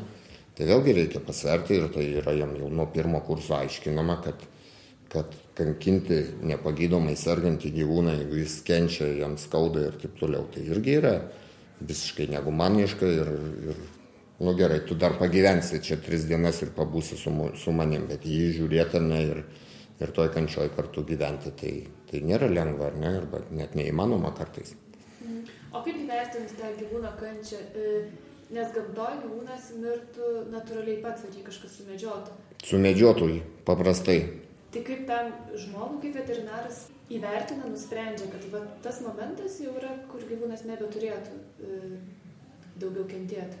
Va čia va nėra tokio recepto, ar ne, kad viena taisyklė ir vienas sprendimas. Čia yra labai daug atvejų ir sprendimą veterinaras visada daro ir atlieka, ar ne, nes tai irgi, tai irgi procedūra, kurią darant visada reikia net raštišką sutikimą iš šeimininko gauti ir paprastai taip yra daroma, ar ne, ir teisės aktai tokie žmonių yra visokių, jie labai greitai gali persigalvoti ir taip ir būna, ir, ir savo akim tai esu matęs. Na ir tas sprendimas, kada tai atlikti, priklauso nuo labai daug dalykų. Vėlgi, netgi ir nuo žmogaus piniginės storio. Ne? Jeigu jūs turėsit kokį tai onkologinį pacientą, ne, kaip čia analogiški atvejai kaip ir žmonių, ir jis sirgs, pavyzdžiui, ir kes didelius skausmus, bet jeigu šeimininkas turės sumokėti už vaistus ar nenuskausminančius ir matys gydytojas, kad šuns savijauta dar nėra bloga, ar ne? Ypač po tų vaistų jis gal net ir žaidžia, ar ne, kai jam neskauda ir, ir gyvena tokį gyvenimą, kokį jis gali, ne, tai jį, galbūt nereiks mygdyti dar 2 ar 3 mėnesius, ar ne? Bet jeigu šeimininkas ateis ir aš sakys, daktarė, daktarė, ką daryti, ar ne, jam liko gyventi keli mėnesiai, bet aš neturiu lėšų nei vaistam ar ne, nei jūsų paslaugoms ir taip toliau. Tai vėlgi čia labai, labai įvairiai ir jokios, jokio vieningo recepto ir trumpo visiškai nėra. Aš jums tik vieną pavyzdį pasakiau, ar ne? Skirtingi šeimininkai skirtingai reaguoja. Vieni paskuba, kiti dėlse pasirūpinti. Gal pirmą mintis, kai ateina galvo tiesiog galbūt žmogaus asmenybė, kaip jis tą gyvūną, kaip mato, ar tai yra jam draugas draugas, kai kuris sako, tai mano vaikas, šeimos narys, o kai kuriems galbūt yra tiesiog, na, gyvūnas, kuris šiek tiek palinksmina man gyvenimo, fainai turėti, bet tokia kaip ir turi ribą, kad, nu, tai yra gyvūnas, tiesiog tai yra gyvūnas. Nors irgi negalėčiau pasakyti, kad tie, kurie turi tą ribą, kad tai yra gyvūnas, kad jie kažkaip blogiau rūpinasi. Gali būti ta riba, kur aiškiai supranta, tai yra gyvūnas ir atstumas, bet jie pastebi ir jie, vat, aha, jie supranta, kad reikia kažką daryti ir jie tvarko, jie ne, netempia tos gumos. Gyvūnas nepasako, kad man skauda, bet tu gali pamatyti, kad jis yra liūdnesnis. Jis kažkaip šiandien daugiau guli. Jis šiandien netėjo pavalgyti kažkodėl, jis šiandien manęs nepasitiko. Bet tai yra pirmi ženklai, kad gyvūnai yra kažkas negerai ir reikėtų pasirodyti gydytojui. Mažasis princas rytojaus dieną atėjo vėl. Geriau būtų buvę ateiti tą pat valandą, tarė lapė. Jei tu ateidinėsi, pavyzdžiui, ketvirtą valandą po piet, tai jau nuo trečios valandos aš imsiu jaustis laiminga. Kuo toliau, tuo laimingesnė aš jausiuos. Ketvirtą valandą jau pradėsiu jaudintis ir nerimauti. Sužinosiu, kiek atsieina laimė. Jei tu ateidinėsi bet kada, tai niekad nežinosiu, kada man pasiruošti širdį. Reikia laikytis apieigų. Kas yra apėgos? Tai taip pat jau seniai užmiršta savoka, tarė lapė. Tokia, kurios dėka viena diena skiriasi nuo kitų dienų, viena valanda nuo kitų valandų. Štai pavyzdžiui, mano medžiotojai laikosi peigų. Ketvirtadieniais jie šoka su kaimo merginomis. Todėl ketvirtadienis man puikia diena. Nueinu iki pat vynodyno. Jei medžiotojai šoktų bet kada, dienos būtų panašios viena kitą ir aš neturėčiau atostogų. pagrindinė žmonių problema yra abejingumas. Ne? Ta aš įvardyčiau kaip pagrindinę problemą, nes visi pamesti, visi pasidauginę, ne, visi atiduoti į prieglaudas gyvūnai, tai yra to abejingumo, to nematymo į priekį ar ne, arba tiesiog impulsyvaus pasirinkimo aukos.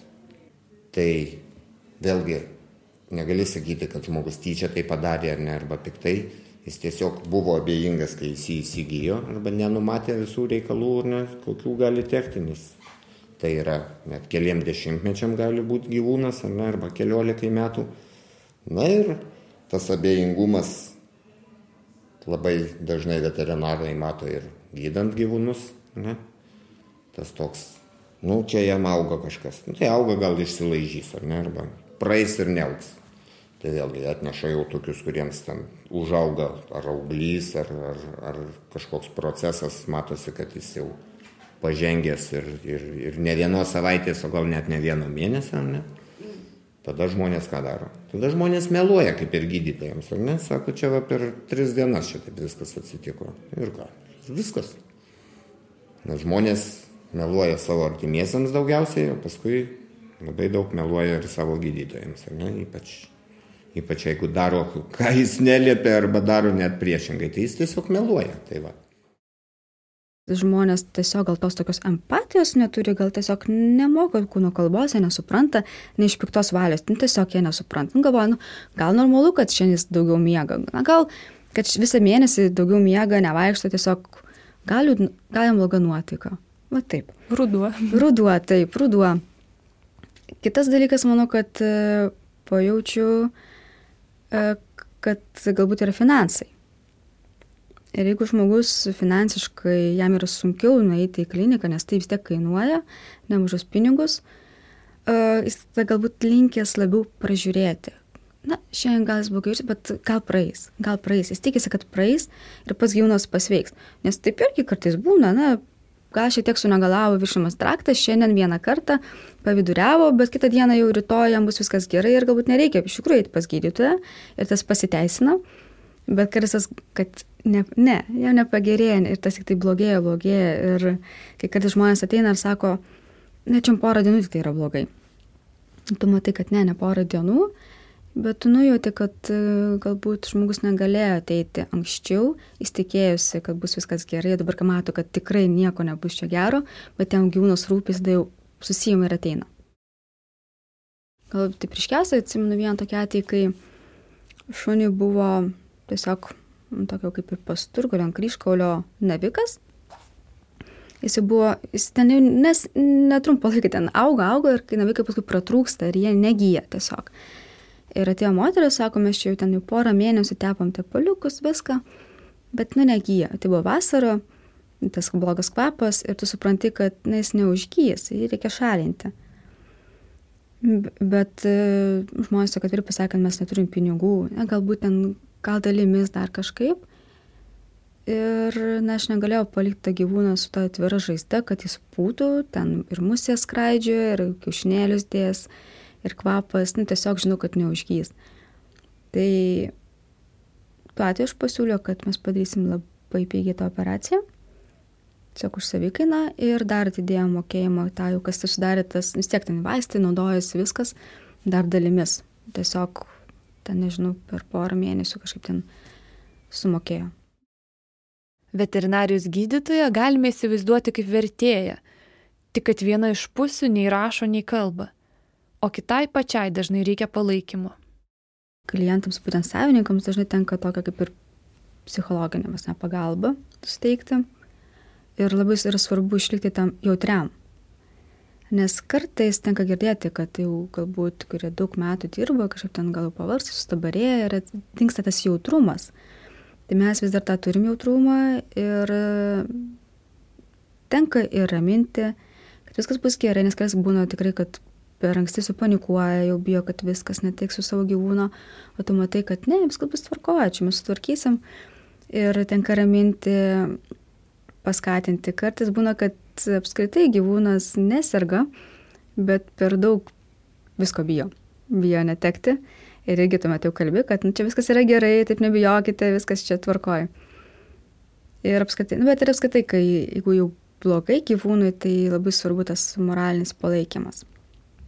Žinoma, tai irgi priklauso ir nuo kliento, kiek jis leidžiasi, kiek jam iš tikrųjų reikia, kiek jis parodo, kad jam reikia, gal jam nereikia, susitvarko pats ir tiesiog mes esame tokie tarpininkai tarp jo ir gyvūno, bet e, tikrai mes pusiau psichologai tai esam kartais.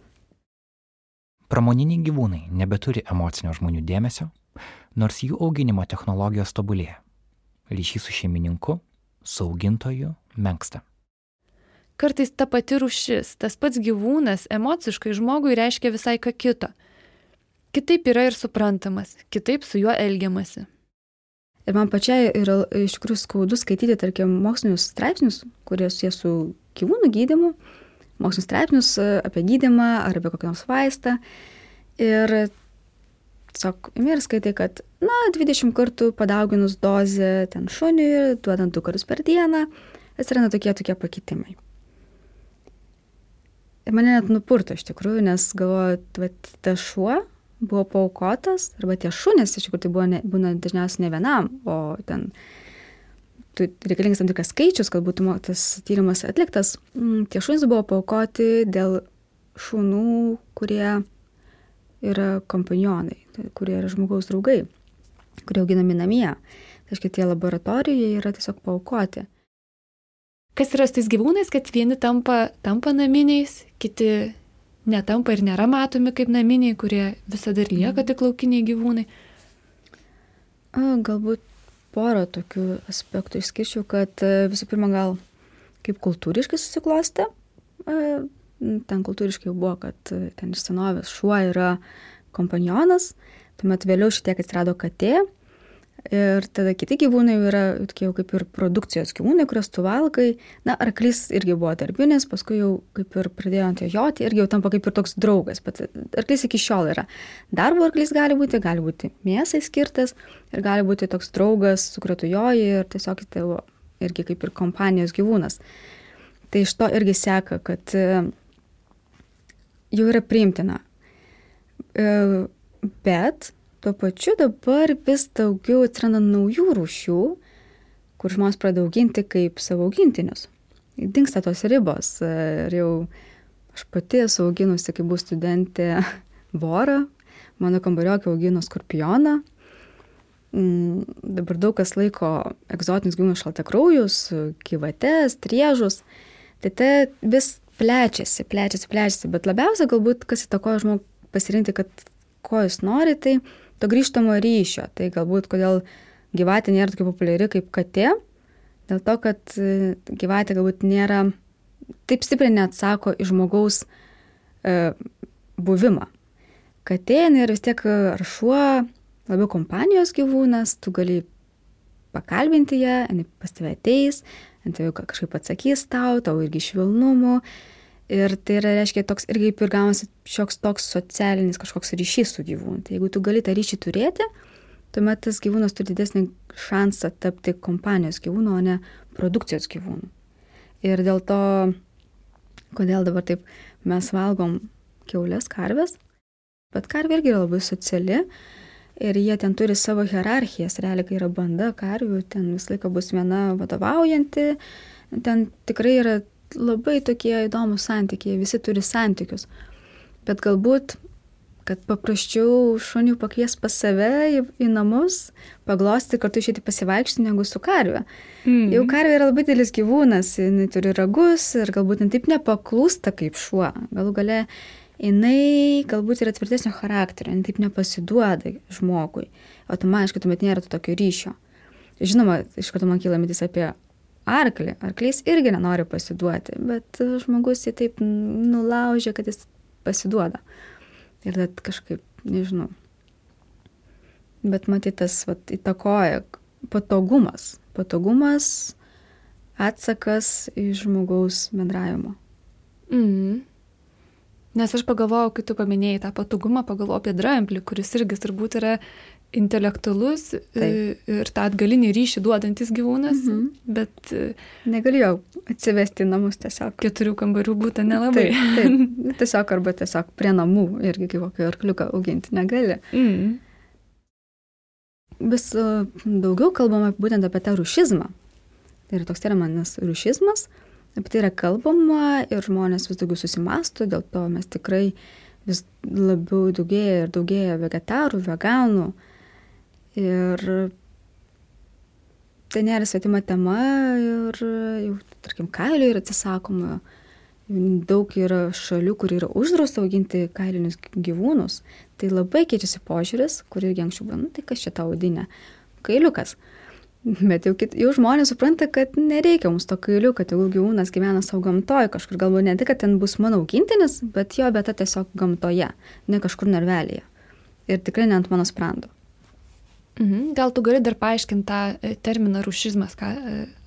Rušizmas tai būtent, kai mes įskiriam gyvūnų rūšį pagal prioritetus, kad šuo turi teisę gyventi pas mane namie, o tuo pačiu metu aš keulę paskirsiu ir suvalgysiu. Tai rušizmas, kad uh, keulė nu, nenusipelno, jinai kaip ir ne, nesukelia to gailėščio. Karvė nesukelia tokio gailėščio kaip šuo. Ir tai ir yra tas rušizmas, kai mes vieną rūšį iškeliam aukščiau, kitą yra žemiau. Tas gyvūnų ratas vis plečiasi, ne, pavyzdžiui, apie žuvų pojūčius, lašišų, ten kurios milijardais yra auginamos irgi dar prieš keletą dešimtmečių niekas nieko nesakė ir negirdėjo, ar ne. Dabar jau irgi tai yra akcentuojama Ir, ir irgi yra pripažinta, kad darant, atliekant kažkokias manipulacijas su žuvim ir jau tą norima įdėkti, kad jos irgi jaučia skausmą, kaip ir šilta kraujai žinduoliai, kodėl jos neturėtų jausti, jos irgi turi nervų sistemą, ne, ir, ir jos turi tuos pačius, tuos pačius elementus ir lygiai taip pačiai sutvertus, tik kraujas šaltas, ar ne? Na ir, ir dabar irgi yra ir ES toks uždavinys, kad tuose pramoniniuose žuvų ūkiuose irgi gerovė irgi turi būti skirta dėmesio. Daromos kažkokios skausmingos manipulacijos, jau yra ir, ir preparatai išrasti, kur žuvys gali būti nuskausmintos ar ne be injekcijų. Jeigu daromos kažkokios skausmingos manipulacijos ir tas gyvūnų ratas pamažu plečiasi, ne? Žuvų anksčiau nebuvo, buvo tik žinduoliai, o dar anksčiau buvo tik ūkio gyvuliai ir kompanijos, nes vakarų valstybėse tai labiausiai kompanijos gyvūnais rūpinamasi ir ten daugiausia organizacijų yra. Na, o dabar žuvis, kas žino, gal po keleto metų ten ir voras bus ar ne, ir musė, ir tik yra toks dalykas, kad vis daugiau reikia žinoti ar ne ir vis daugiau reikia atsižvelgti, vis daugiau reikia pamastyti ir taip toliau, nes ratas vis didėja. Ir gyvūnų, į, kuriuos, į kurių poreikius reikia atsižvelgti, yra vis daugiau.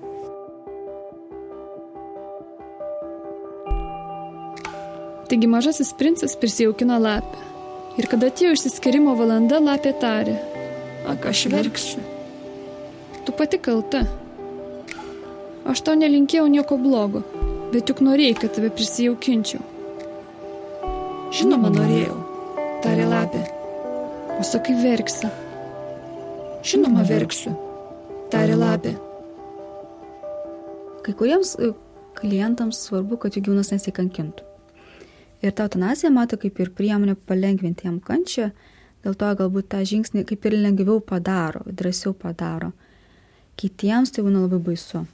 Atvirkščiai. Ir jie tempia iki paskutinio, jiems galbūt netgi yra baisu, kad jie nužudys tą gyvūną. Tai labai skirtingos situacijos, kiekvieną kartą ir skirtingas požiūris ir prieimas prie žmogaus.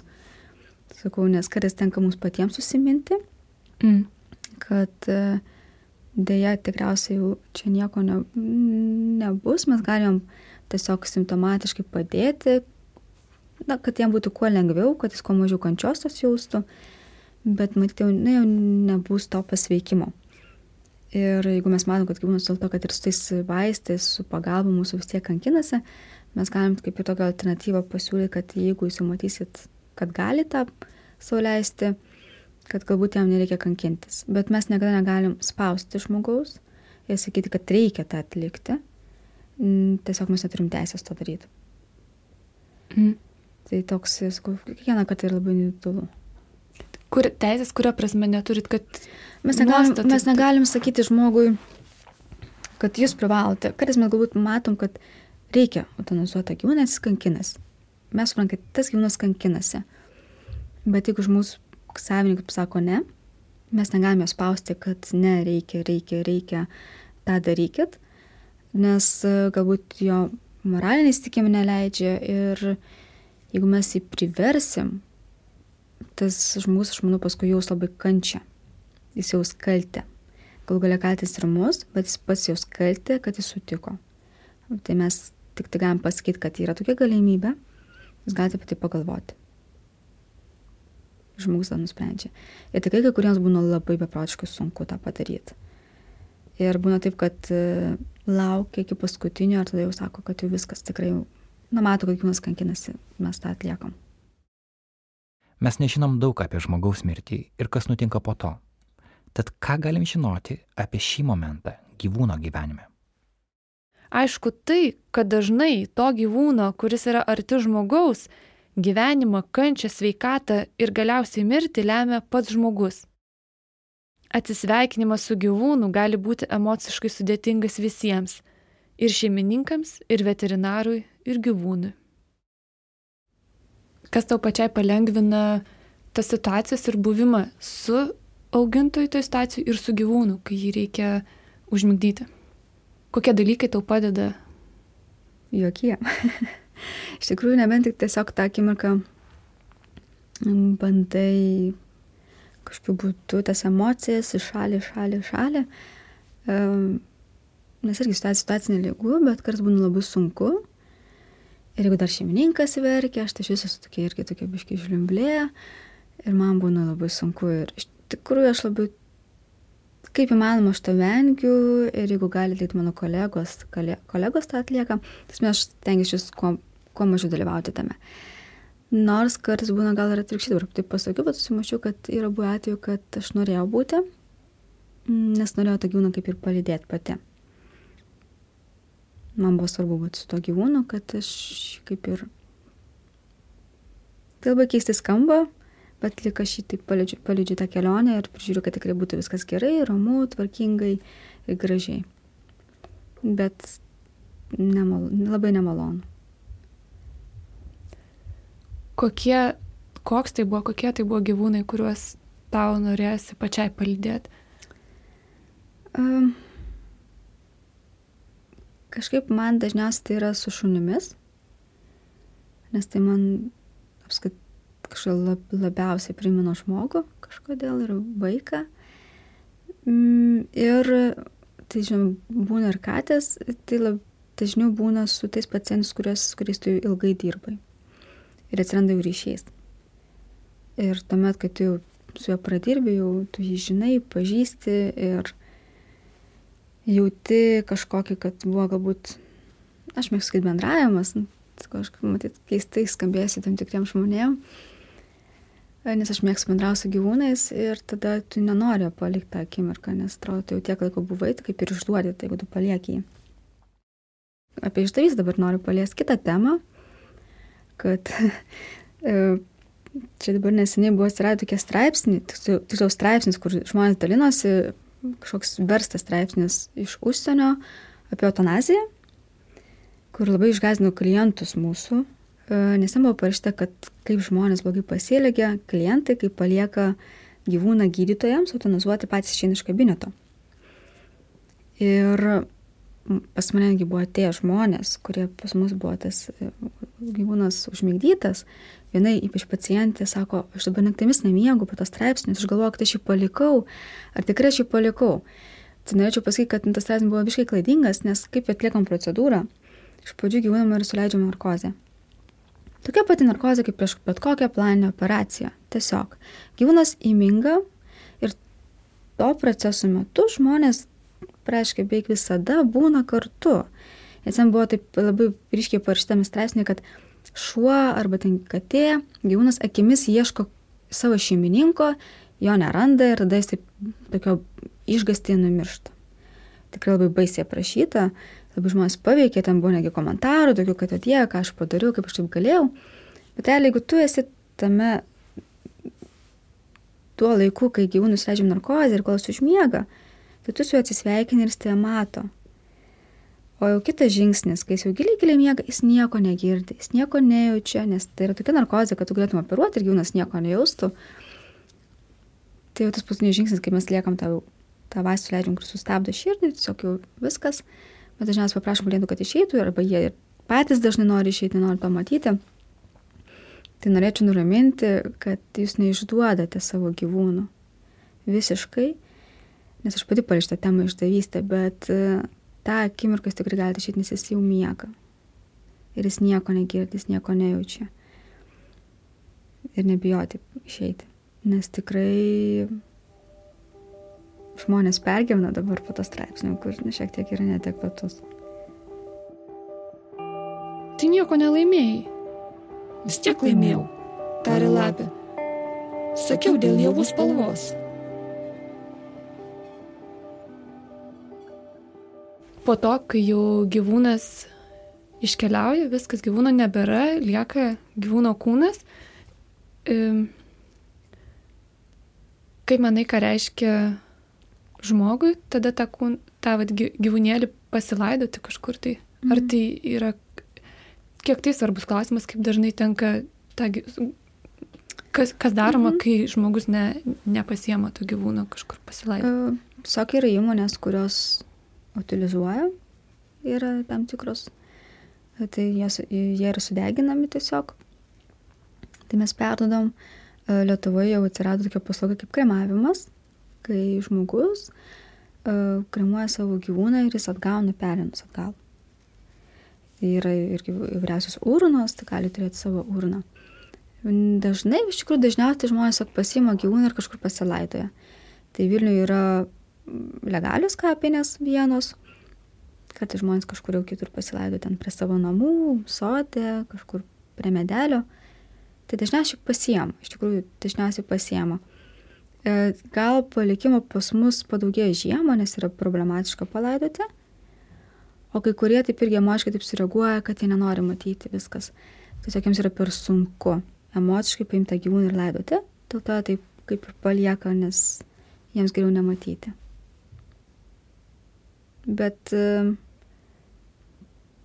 šiaip galėčiau pasakyti, kad tas ryšys su kūnu yra panašiai kaip ir žmonės turi ryšį su mirusiais žmonėm, kad palaidoja, galbūt tiesiog taip nelanko, ten kapinę stato, nes yra ir to iš tikrųjų Lietuvoje stato, bet jiems svarbu taip pagarbiai, pagarbiai, kaip jiems atrodo, pasilaidoti. Nueik vėl pažiūrėti rožių. Suprasi, kad tavo yra vienintelė pasaulyje. Paskui grįžęs su manim atsisveikinti ir aš tau pasakysiu vieną paslaptį. Mažasis princas nuėjo vėl pasižiūrėti rožių. Ir sugrįžęs prie lapės jis tarė. Lik sveika. Lik sveikas, tarė lapė. Štai kokia mano paslaptis. Ji labai paprasta. Matyti galima tik širdimi. Tai, kas svarbiausia, nematoma akimis. Tai, kas svarbiausia, nematoma akimis, pakartojo mažasis princas, norėdamas geriau įsiminti. Tavo rožė tau tokia brangi todėl, kad tu jai paskiriai tiek laiko. Mano rožė man tokia brangi todėl, pakartojo mažasis princas, norėdamas geriau įsiminti. Žmonės pamiršo šią tiesą, tarė lapė, bet tu neturi jos pamiršti. Pasidarai amžinai atsakingas už tą, su kuo susibičiuliauji. Tu atsakingas už savo rožę. Aš atsakingas už savo rožę, pakartojo mažasis princas, stengdamasis geriau įsiminti. Mes visi kalbam, kad čia tuoj viskas atšils, nuskes ar ne, čia neliks baltųjų meškų, ateina didysis gyvūnijos rūšių nikimo metas, dabar va tuoj neliks ar ne, čia žymiai visko labai daug. Bet mes pamirštam vieną dalyką, kad mūsų daugėja žymiai sparčiau ir tiem sutvėrimam nelieka tiesiog aplinkos, kur, tai, kur tiesiog gyventi. Ar matot, ar yra būdų, kad žmogus priartėtų prie laukinės gamtos? Kuo jis labiau privar, priartėja, tuo jis labiau ją naikina, ne? Kiekvienam pietam mūsų laukiniai gamtoje jau yra babalo, kažkokio augalo suminkimas, užminimas ir taip toliau, ne? Tai žmogus ir laukinė gamta gali tik per tvorą egzistuoti. Jeigu jūs norit įsivaizduoti laukinę gamtą kaip tikrai laukinę gamtą. Jeigu jis jau ten įžengė, jis visada viską iš jos paims. Lapės, pavyzdžiui, dabar rudosios jau irgi labai populiarios, darosi kaip naminiai augintiniai, jas iškastruoja, ar ne? Jau yra net lapių veisyklų, kur ten atrinktos švelniausios ir geriausios lapės. Ir ir, ir jas daro tiesiog naminiais augintiniais. Tai žmogus, kas jam patinka, jis tiesiog ima iš gamtos kaip šeimininkas ir tas nie, niekad nepasikeitė.